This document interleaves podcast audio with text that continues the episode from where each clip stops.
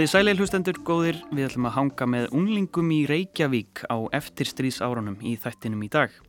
Bókvikunar er Vögguvísa eftir Elias Marr sem kom fyrst út árið 1950. Sagan segir af þremur örlaðaríkum sólarhingum í lífi unglingsins Björns Sveinssonar, betur þekktur af félögum sínum sem Bambino. Vögguvísa er þriðja skaldsaga Eliasar en þessar fyrstu bækur hans eru jafnan taldar með fyrstu Reykjavíkur sögunum.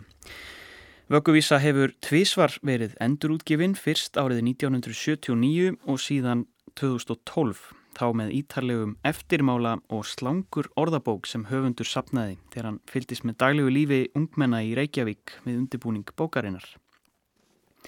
Líkt á fyrstu tvær skáltsugur Elísar fekk vögguvísa jákvæða aðtigli þegar hún kom út og náði líka út fyrir landsteinana og kom út á Þísku. Engverjum hafi þótt bókin upphefja rótleysi, glæpanneið og erlend menningar áhrif á ungu kynnslóðina en aðrir litumálið öðrum augum sögðu hann að vera ádeilu á emitt þau bandarísku menningar áhrif sem gerðu íslensku unglingana því sem þeir eru í sögunni. Bókvikunar á rás 1 er Vögguvísa.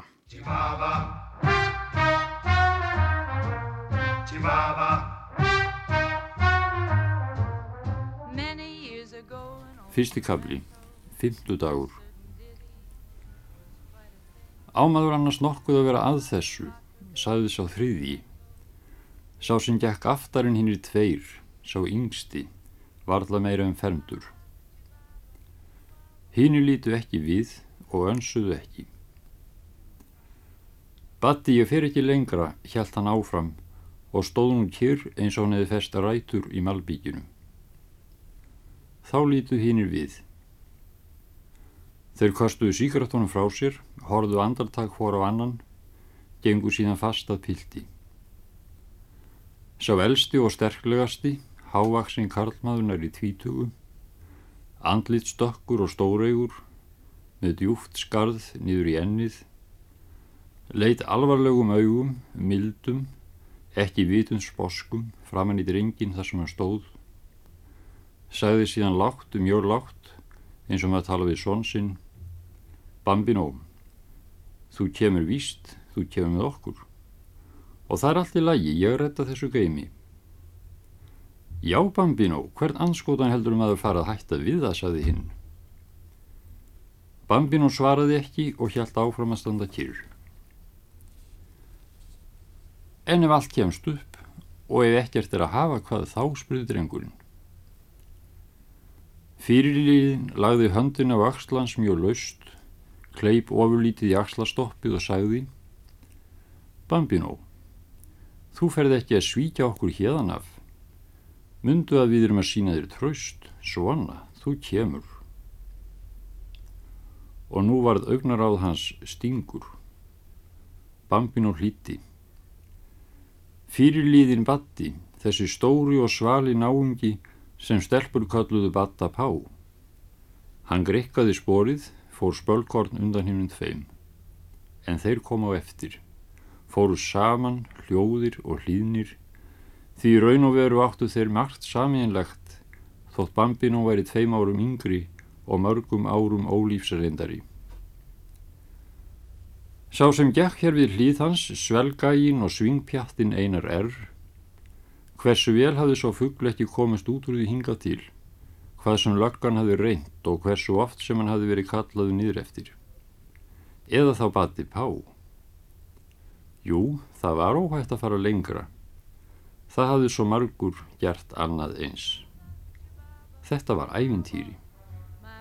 Bambino var lendur í ævintýri.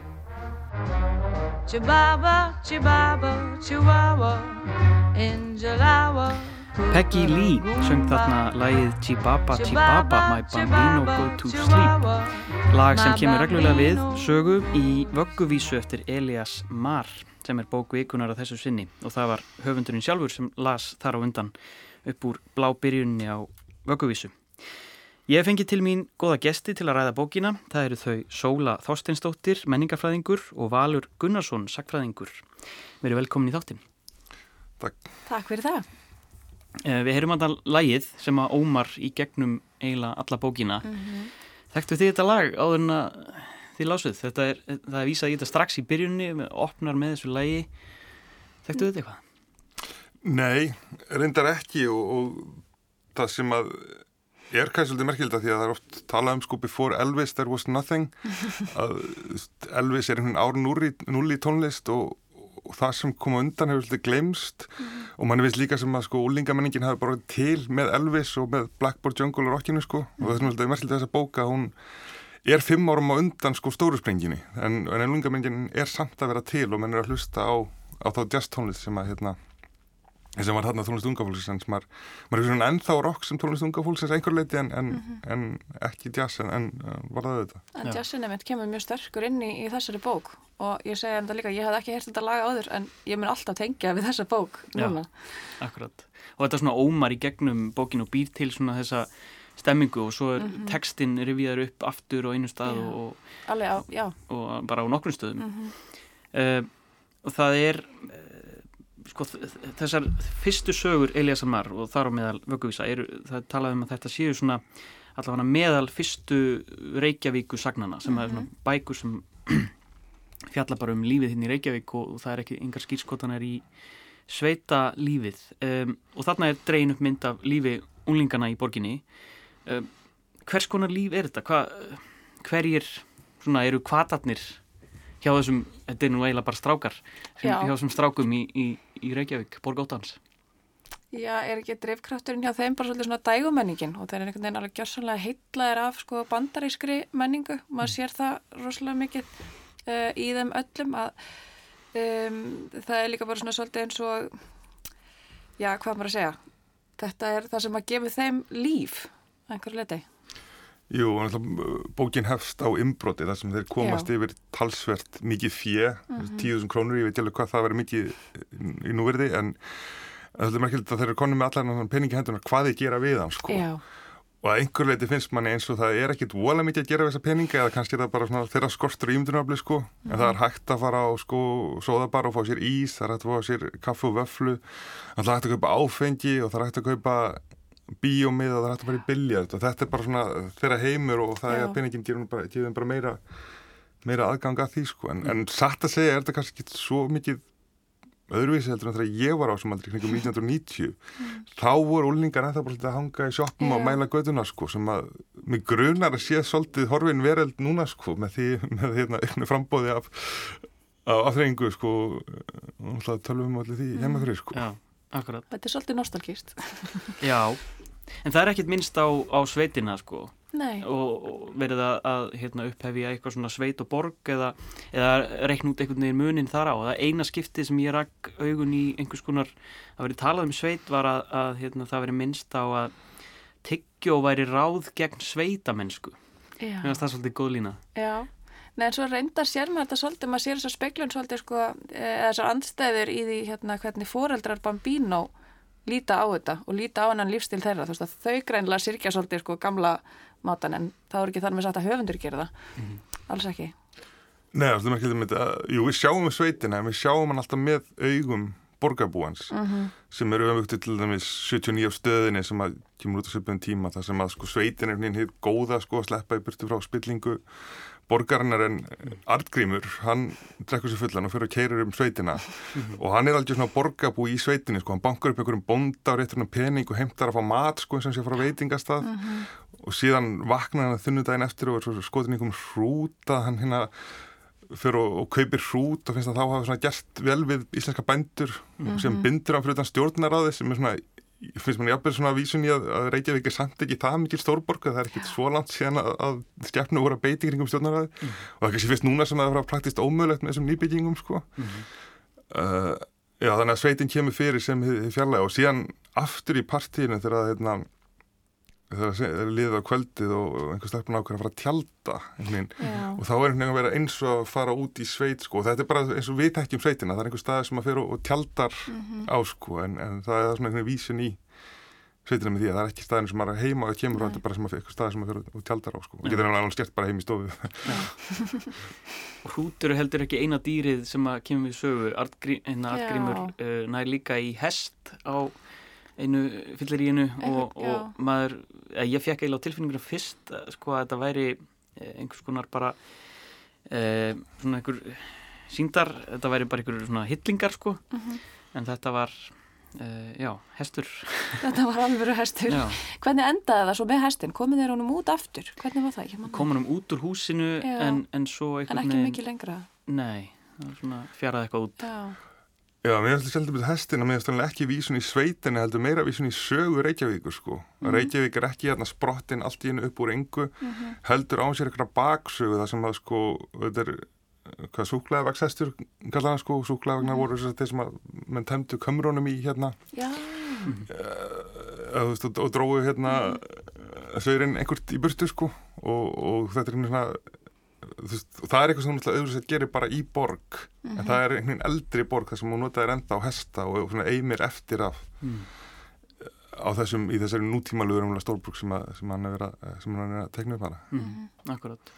Og lífið í borginni eh, fyrir allavega fyrir þessa ungu menn sem að sagan segir af, sem að fremja þennan glæp, þeir ræna Artgrím Artgrímsson sem er heildsali, uh, ræna af honum 10.000 krónum um miðjanótt og, og hérna og að reyna að eh, finna leiðir til að eigða þessum peninga á þess að komist upp um þá. Uh, og þeir fara mikið í bíó og, og hérna meðal annars meðal annara hérna aðtafna og svo hérna eru partí og svona en, en bíóið eh, kannski að ræða það aðeins sérstaklega því að það er svona kannski líkilatriði bæði í hvernig svona sagan sjálf, hvernig Elias sjálfur stillir sögun upp. Hún er svolítið eins og svona bíómynd, svona film noir rökkur bíómynd. Um, og bíómyndirnar endurspegla það sem að þeir vilja. Þeir vilja vera eins og personur í bíómynd, Einmitt. ekki satt? Jú, algjörlega. Og eins og þú segir sko þetta með frásagnastílinn, þau, koma svolítið inn á þetta í hérna, eftirmálanum á, á bókinu og það alveg rétt uh, að bókin sjálf sagan minnir alls svolítið á bara kvikmynd. Þú veist að því að maður lifir sér svo inn í flæðið og einhvern veginn þú fer frá senu til senu og, um, og maður sér það líka bara eins og segir með hversu mikið þeir fara í bíó þeir eru alveg heitlaðir af bíó. Það er einhvern veginn þeirra svona eina undankomin leið út frá hversteginum sko. Og þeir lifa sér svo mikið inn í þetta. Það er svo dásalegt að sjá það bara að þú veist, allar þessar personur í kvikmyndunum sem þeir horfa á og stílinn og, og spjallið og allt þetta, þeir aðbaða þetta allt upp. Svolítið. Já, eiginlega í fyrstu senni þá sko þegar þetta byrjar á innbroti og það er eitt settur til að fylgjast með og tveir fara inn og, og, og reyna peningaskap, þetta er hún alveg sér nór bíómynd sem er að Já. gerast í Chicago eða New York eða eitthvað. Já, en síðan eru þeir samt allir fulli sko sem er svolítið svona íslensk sko. Þetta er svona að vera, meira bara eitthvað sem er ákváðu á einhvern tíma seint um kvöld að gera þetta frekar en eitthvað skipulagt. Mm -hmm.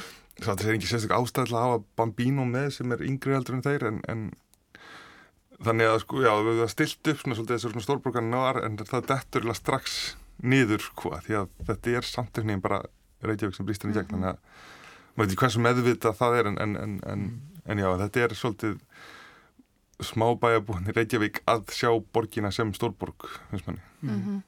en hver finnst þér svona, hver er afstafa þeirra til borgarinnar? Er upplifa þeir sig í þessari stórborg sem að afhjúpaðir einhvern tíman að, að þetta er ekki bíómynd og þetta er ekki svona eins og, eins og kemur í kórikamyndunum sem þeir eru að horfa á eða glæpa myndunum Jú, náttúrulega bara eins og þú segir sko, þetta er svo lítið svæði sem að þeir hafa til umráða einhvern veginn, þeir eru alltaf að fara á sömu stað, staðina og hérna sömu barina og hitta sama fólkið og gera það sama frá degi til dags, þannig að það er engin stórborgar bragur í því sem slíku myndi ég segja.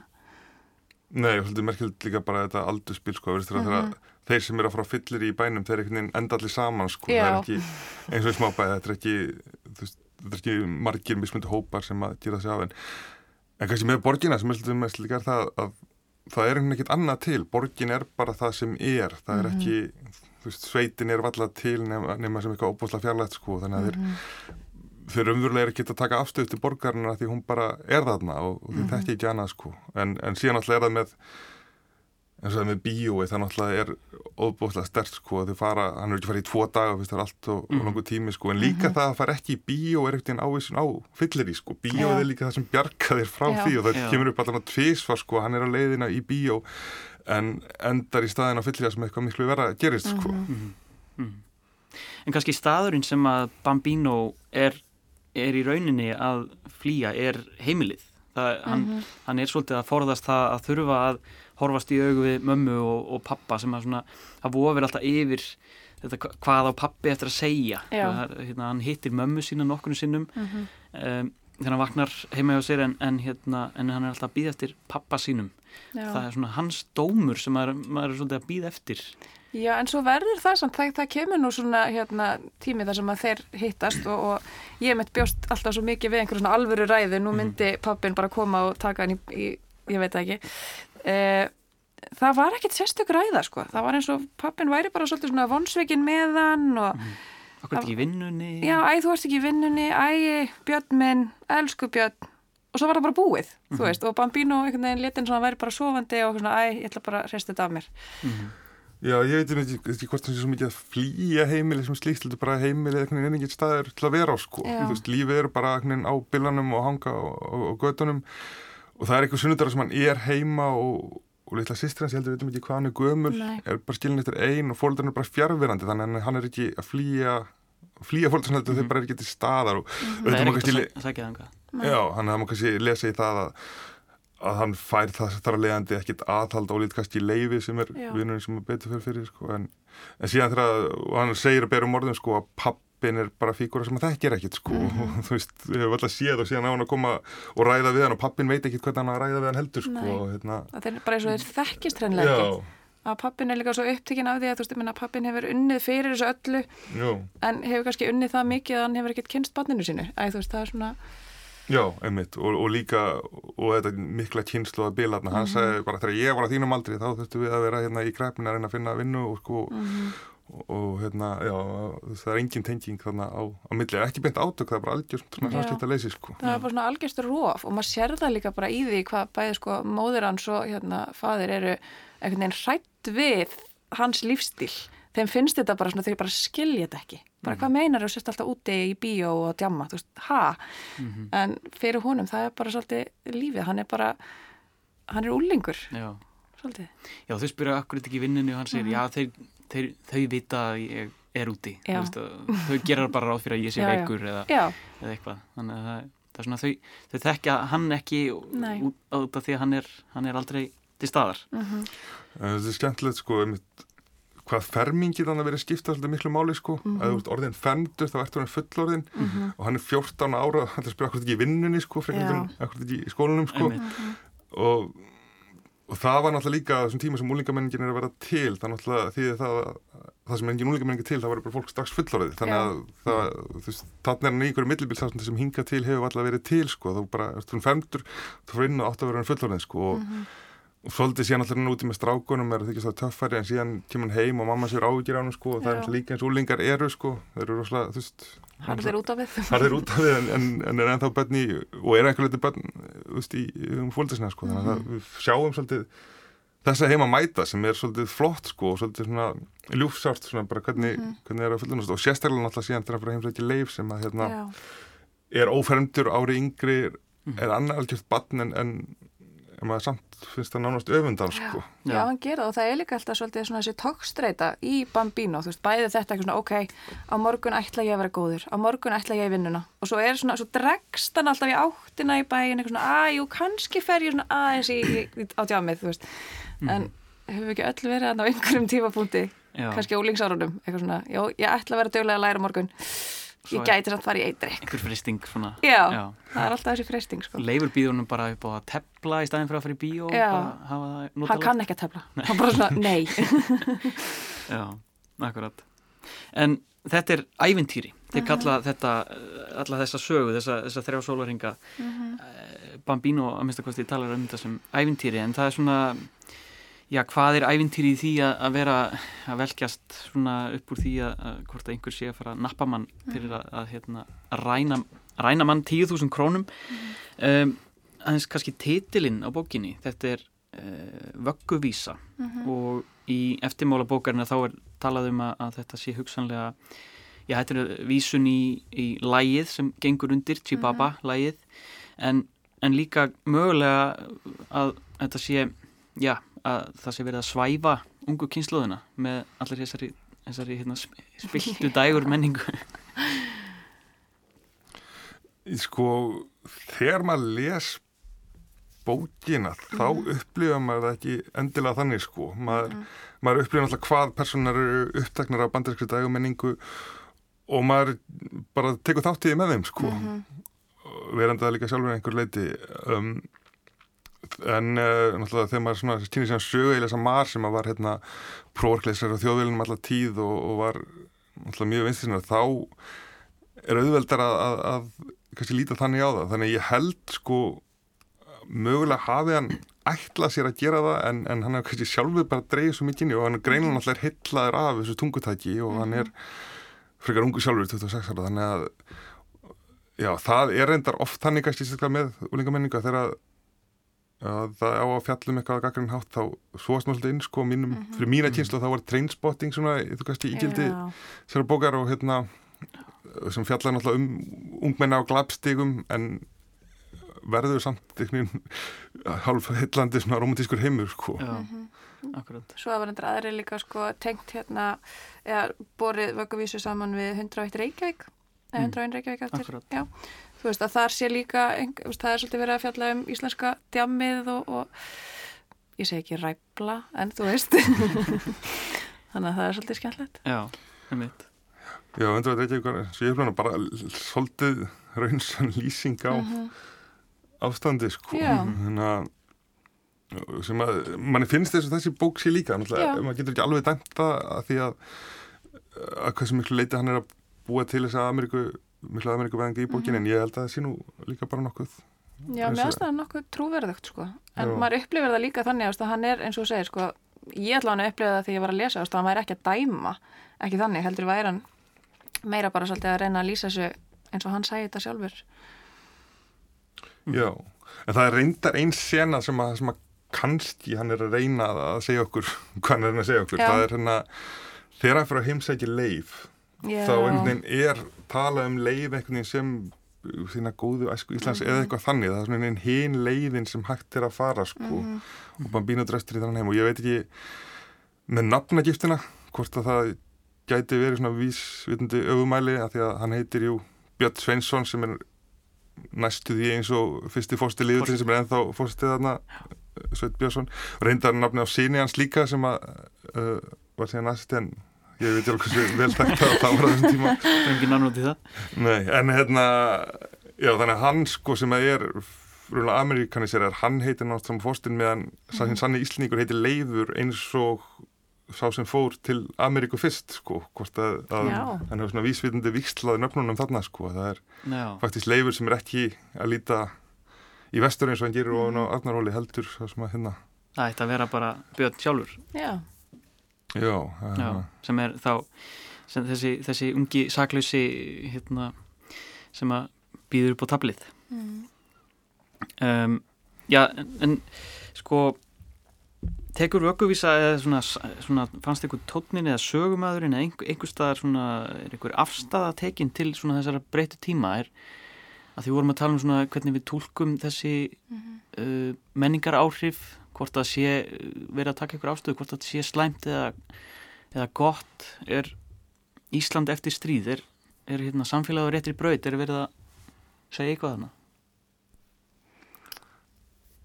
Þegar stórt er spurt. ég, ég, ég held kannski að hún, hún hefnist einmitt með því að gera það ekki. Það er þetta, sem gerir hana svo góða og, og, og gera það verkum að virka en þá er þú veist, jú, kannski er hann einhver leið að ætla það og það eru eins og með þessu lefsinni, það er svona glimt af því að hann sé að að gagna þetta beint, en, en e- eiginlega það bara sógast hann inn í þetta og lesinni sógast inn í þetta líka og þetta er bara hinn það sem að er sko hérna og til og með ánægum sér fóreldrana að þau koma á einhverjum, einhverjum allt örum bakgrunn en, en uh, já, mér finnst þetta meira að vera að lýsa ástundi heldur en að, að, að dæma það sem að kannski er stundum einkenni. Já, Mm. en hann kannski gera það líka svolítið með hérna, meðan hann gera þetta með svolítið miklum húmor á köflum. Þú veist eins og bara í þannig partíinu þar sem að þau tjálta þú veist að hann er að lýsa einhverju hérna, algjörisku vísu sem kemur inn. Just, ég man ekki hvað hann heitir en hérna fyrst finnst Bambino hún mjög heitlandi og falleg og, og lykta svona frekar vel. Svo kemur hann næra henni og hún lykta hræðilega.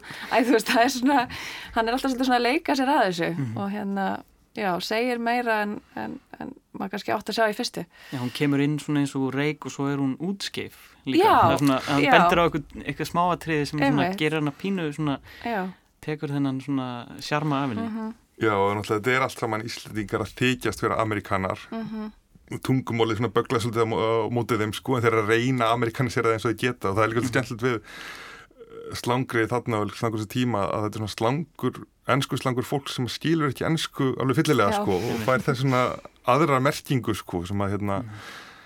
Uh, en stöðum við saman tíma skvís að það komið af skvís þú veist og hérna og bara gægi og, og þú veist töffari og þessu svona mm -hmm. og sem ekki nota sem að hérna mm -hmm. og lifa, lifa og lifa ennsku já og er einhvers konar samt svona afbökunni það er bara miskilningur á, á ennsku og hérna og síðan kemur alvöru amerikaninn hérna mm -hmm. inn í bókina. Hann reyndar fær ekki það stóran þátt eða er ekki sérstaklega fordæmdur eða eitthvað nefnum bara hann er náttúrulega mest að glæsi mennið á því matum þannig er alveg amerikaninn sko. Mm. Það er kannski eini punkturinn með honum. Já. Bara.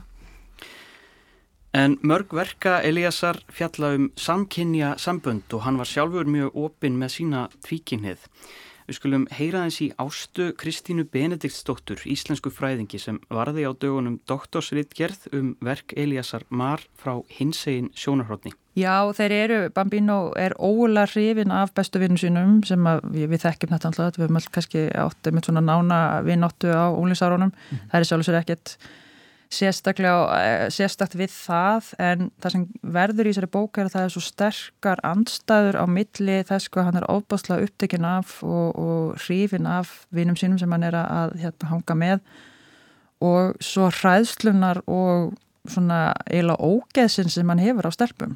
Það eru stelpur í kringum hann og hann, hann sefur hjá stelpu en það fyrsta sem hann gerir eftir það er að hann fyrir fram á ælir og hann er bara, hann far líkamleg viðbröð eh, við þessari kynfélslu reynslu með þessari stelpur sko. mm. og hérna hann er hrættur við konur og hann er bara forðast þær en, en veit samt að hann á að, að nálgast þær sko. en hans svona hans svona kæris og tilfinningar beinast að, að bestu vinnunum hans mm. það er alveg auglúst sko. og hvernig við lesum í það svo er aftur annar mál það við getum kannski verið ósamal um það, ég veit það ekki mm -hmm. Saði Ásta Kristín Benediktsdóttir uh, fannst ykkur uh, þetta Sko, Lásuð þið eitthvað í, í þetta? Má tólka kynnið Bambino í þessari sögu? Þannig að hann hangi bara með strákum og, og hans svona e, tilfinningar beinast aðalega gegn strákum?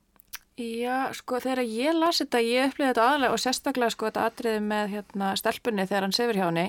Ég hugsaði að þetta væri bara því að hann væri sjálfur svo mikið barn mm. ennþá. Eða svona ég upplýði hann bara eins og hann hefði varla sko einhverju svona kynvitund. Það vissi ekkert hvað hann var að gera? Nei, hann vissi ekki neitt. Mm -hmm þannig að mér fannst þetta mjög óþægilegt aðrið sko, mm -hmm. ykkur að segja Já, það er þú veist, það er alveg auðvelt að sleppa því sko í, í læsturinnum mm -hmm. en alltaf því þetta er Elias Mar og því við vitum alltaf um, um, um hans sögu í og hérna og ofta allir í sögunni þá náttúrulega er hlítum maður eiginlega auðvitað að, að tólka það þannig en það þarf ekkert að vera að því að eina, það sem að þessi kynlýsreynsla sem hún finnst bara ekkit spes fyrst og mhm. fremst sko. Og hún segir þetta sem allir er að tala um og allir er að býða eftir og hvað, og svo er þetta bara svona og hvað, hvað er þá eftir umverulega sko. Mm. uh, einhvers konar að já það er eiginlega það sem við fáum við og annars auðvitað heitlast og, og, og það er talað svolítið um sko hvað Batti Pá sem er fyrirmynda þessi glæsluður og velli og allt það sko mm. en það mm. getur náttúrulega verið hvort sem er sko að því hann laðast hann eða bara því hann vil vera svona hann er sjálf alltaf býð eftir að vera stór og stekka sko þannig að já, það má lesa hvort einn sem er þetta samt þetta minni sko með yngsta strákin í vinahópnum sem að sefur hjá eldri stelpu eða sem að eldri mm -hmm. stelpa bara tekur að sér og drefur og tala mm -hmm. þetta Þetta var í mid-90's sem er bíómynd sem var í bíópartísi sem var, þetta er svona allir minni, ég veit ekki hvort að þetta sé uh, hvort að, að þetta gerir svo oft en þetta er alltaf, alltaf oftast eitthvað sem hendur yngstastrákin í vinhómnum í, mm -hmm. í skálskap sko. mm -hmm. En það er raunin þetta augnablík sem að uh, verður honum svona eila aðfalli af því að síðan sá sem að hérna, já, var kærasti þessarar Addíar, sem Já. Ardís. Ardís, uh, hún, um, hann fær kjöða í hausinn, uh, kjöði Já. sem að Pá- Pál Pálsson sem að um, kærastinn hennar, hann hérna kemur hérna og, og, og til þessi vita lindarmálið. Uh, það var svolítið óþægilegt augnablík þarna þegar hann Já, gengur á hann. Já, og það er líka svolítið eins og sko sögumæður vísar í þetta, veist, þegar það er eitthvað svona að byrja að milli hérna Bambino og, og Ardísar, Mhm. að þú veist, að það kemur eitthvað svona, já, ég, ég man ekki hvernig hann segir þetta, eitthvað svona, já, hvort að þetta hefði nokkuð verið sniðugt, eða eitthvað álíka, þú veist, hvort að þetta hefði nokkuð orðunum að falli, sem að svo verður, af því að kærastinn er, maður veit nú ekki segja mikið, en hann, hann er góður vinnur, sem sagt, Argríms, Argrímssonar. En það, það sem er samt kannski kaltænislegt er einmitt að þetta er á kvöldi þar sem að eh, Bambino, hann hafði ætlað að fara í bíó, eins og við erum búin að ræða hérna fyrr. Hann hafði ætlað að fara í bíó en dregst í staðinn uh, í partí heim til kjöða og fer svo heim með kærustu kjöða. Það er svona, já, hann, hann vil of mikið. Jú, þannig að það liggur í loftinu frá upphafi að einhver muni kjafta af, af þessum tremur og, og það er alltaf, því að er alltaf að vara þá við sko að gera það ekki og ekki ekki eða miklu, ekki fara fyllir, ekki, ekki koma ykkur kringumstæðar sem að, að það sem að, að við munum lesa á stjóðinu og að það gerist akkur þarna, þannig að má þetta segja sko að, hann náttúrulega er refsat harlega fyrir þessa fyrstu kynlífseinslu sína sko. Frá sjónunum 1950 þá getur það náttúrulega alveg sér bara fordaminga og lauslæti eða eitthvað slíkt sko en hérna Mhm. en já, en, en já, niðurstaðan þannig að þetta er ekki, ekki góð Nei, nei, nei, heldur betur ekki. Það er nú kannski erfitt að, að hérna, eðilegja fyrir bók sem er að verða 80 ára já, já, gömur. En, en það allavega kemur hún eh, svona eilað falli, að, að, hérna, að vera hún eilað falli. En um, svo, aðeins um uh, frásögnina, þegar við, mynd, við erum búin að aðeins búin að svona stikla á því. Uh, það er hérna sögumæður sem er svona þessi mm, sem við tengdum aðeins líka við bíómyndir. Það er svona þessi rökkurmynda stíl og þa það er svona sögumæður sem grýpur inn í og leiður okkur mjög svona eh, svona röklega í gegnum allt saman. Og svo koma kaplar sem að eru bara uh, mjög svona náið inn í, inn í hérna, atriðunum. Og svo eru kaplar í fortíð og nútíð og það kemur hérna kapli í fyrstu personu beint frá Bambino. Uh, voru þið ruggluð á einhverjum tímpúti hvernig fannst ykkur Nei, mér fannst þetta alltaf flæða vel sko, en það sem að mér fannst þeim mjög vel gert í þessari bók er hvernig sögumannsröttin flæðir svolítið svona milli, já bæði þessa alvitra sögumanns og Bambino uh, og oft bara inn í miðjum setningum sko. Og, og hann gerir þetta líka uh, þegar Bambino er vel í glasi og maður alveg fylgjur hann í því þú veist að einhvern veginn textin verður meira svona ó, pítu, hvað er ég að gera þeirna? Æ, þú veist. Þannig að það var, það var mjög vel gert fannst mér Já, algjörlega, og hún kannski svona einhver liti hefðbundar liti mann hefði búist við sko. Og virkar alveg vel bara sem frásögn en, en það eru nokkur stílbriði eins og sem liti áhugaverð eins og til dæmis það þegar hann bara byrstir prógramið á bíómyndir sem fara á í heilu lægi sko. Einmitt. og alla, alla, alla hlutur ekki skipunum allt það, þetta lítur að vera svolítið uh, og enn dag í dag er það svolítið svona merkileg sko. Mm. merkileg innrás í, í textan sko og hérna Uh, og síðan alltaf er þessi síðasti kaplinn sem er litið bara ein samhangandi Já. setning sem er ekki greinamerki Engin. Nei, sem er alltaf, já, algjört hugar flæði sko, og Já. hérna og maður er alveg búist í því að bókin er meira þannig sko en, en meira eitthvað svona beat feelingur sko en, en þessi, þessi leikur hans orðum og þetta notur, not, hans slangri hún, hún er svo fullkomlega eðlileg inn, í- inn í sögunni að maður svona, alltaf þið tekur ekki eftir henni sko sem Mm. alltaf uh, því er að þetta er hans vel gert Já. Já. og svo er þetta líka brot úr æfintýri hún, hún svona hál, hálfpartin byrjar inn í miðri frásögn Já. á maður að vera að gera þetta, sagði þess á þriðji það er eitthvað svona, það er maður allt í einu komið með eitthvað þriðja Mhm.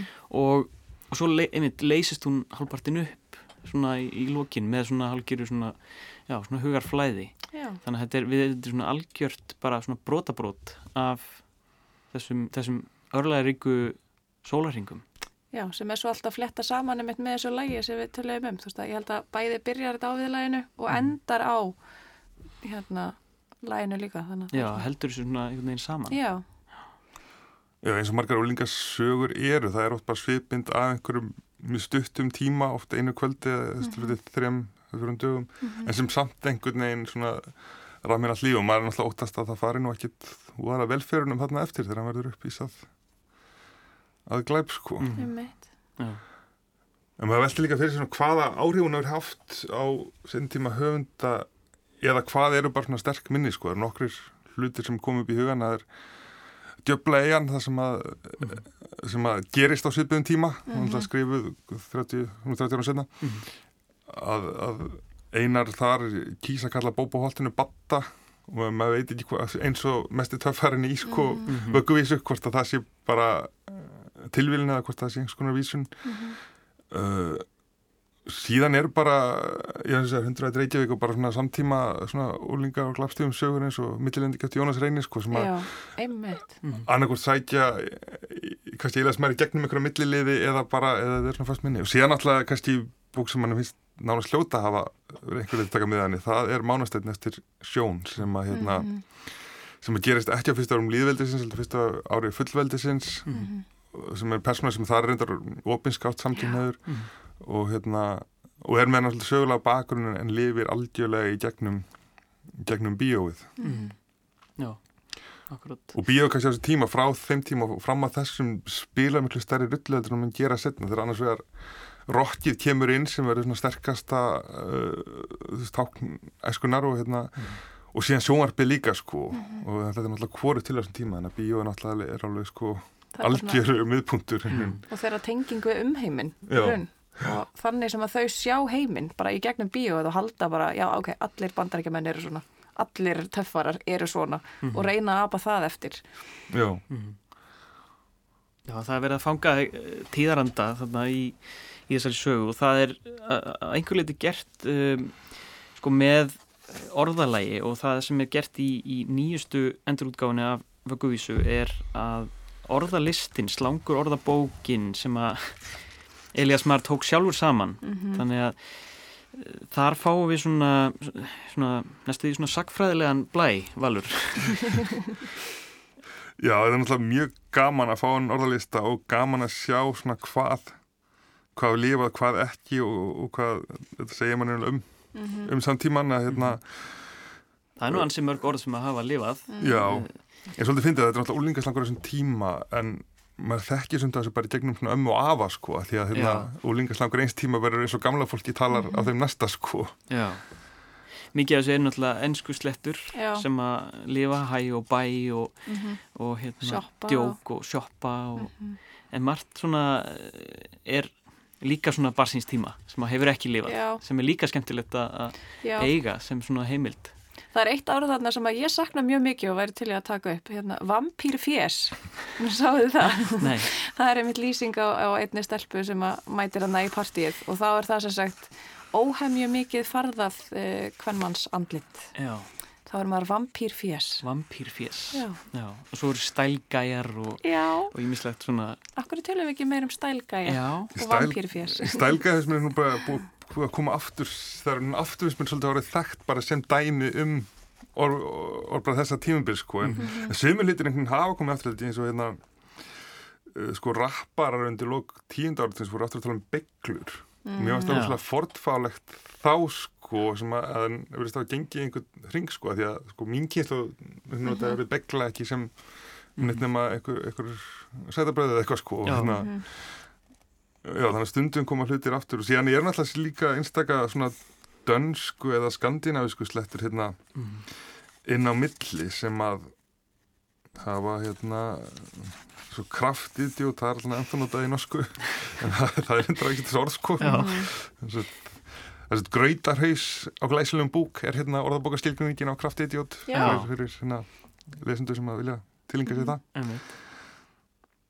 Lásuðu eitthvað í um, svona orðanótkun persónuna? Það Var eitthvað svona hægt að, hægt að svona eins og það er talað um stjettaskiptingu í eftirmálanum að um, Leifur, hann, Já. er, hann segir mér langar og Bambino segir á móti mig langar og það er svona, eða öfugt. Eða öfugt.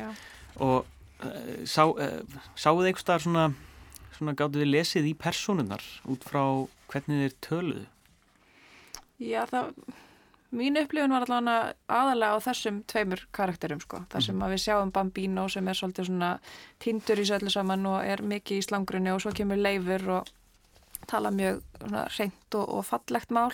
Þetta er svo skýrar andstæður. Já. en ég hugsa að ef maður myndi leifa sér að kafa dýbra ofan í textan myndi maður alveg klárlega finna eitthvað svona. Ég veit ekki hvort það hefur verið eins og með Artgrím, hvort að hann hafi talað mikið Ég þannig að fyndi með Artgrím sko, með leifir stilt upp sem algjör andstöð, þá er Artgrímur hann er svolítið svona talsmaður byrgeisana sko uh. -huh. öðna, og hann alltaf er miklu efnar en samt er hann ekkert á neinu öðru menningalegu plani sko Nei.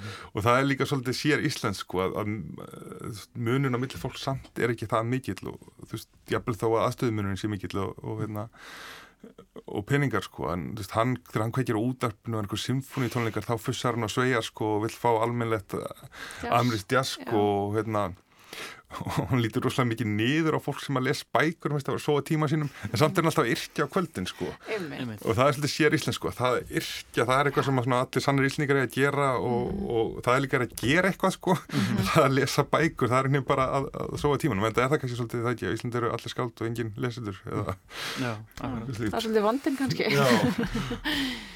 Það fyrir að sé á setni hlutan hjá okkur, mér langaði svona að endingu að lesa brot uh, úr þjóðviljanum sem er prentað aftan á nýjustu útgáfuna. Mm -hmm. Kæri bæjarpóstur ég vona að engin móðgist þótt ég segi að hinn nýja skáldsaga Eliasar Mar, vögguvísa sé einna fáum ljósum punktum í starfi hinna yngstu höfunda íslenskra. Mér virðist að bók eins og þessi eigi það skilið að vera keift og lesin vel af öllum bókmenta unnendum. Og þetta er ónemndu lesi, lesandi í þjóðviljanum í janúar 1951 þetta er Þetta er bara ágætið stómur hann í nokkrum yrðingum. Tökum við undir þetta? Jú, ég myndi taka undir þetta. Ég mælu með því að sem flestir lesið vökuvísu. Það er mjög gaman að henni. Mm -hmm.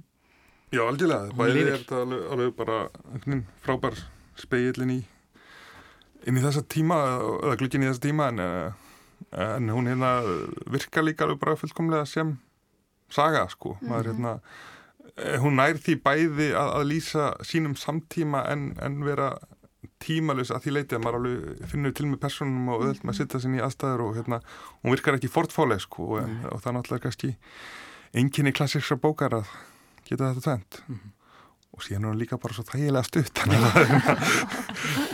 það er mikil fótakastur að dempa sér hérna Og það er allir úlingar einusunni þannig að geta nú flestir tengtu við þetta. Valur Gunnarsson og Sóla Þorsteinsdóttir, takk hjá það fyrir komuna Bókvikunar er þar með á enda, ég minni á heimasíðu þáttarins rú.is, skástrygg bókvikunar þar sem finna má ítarefni um það sem hér var rætt. Takk fyrir að hlusta og verið í sæl.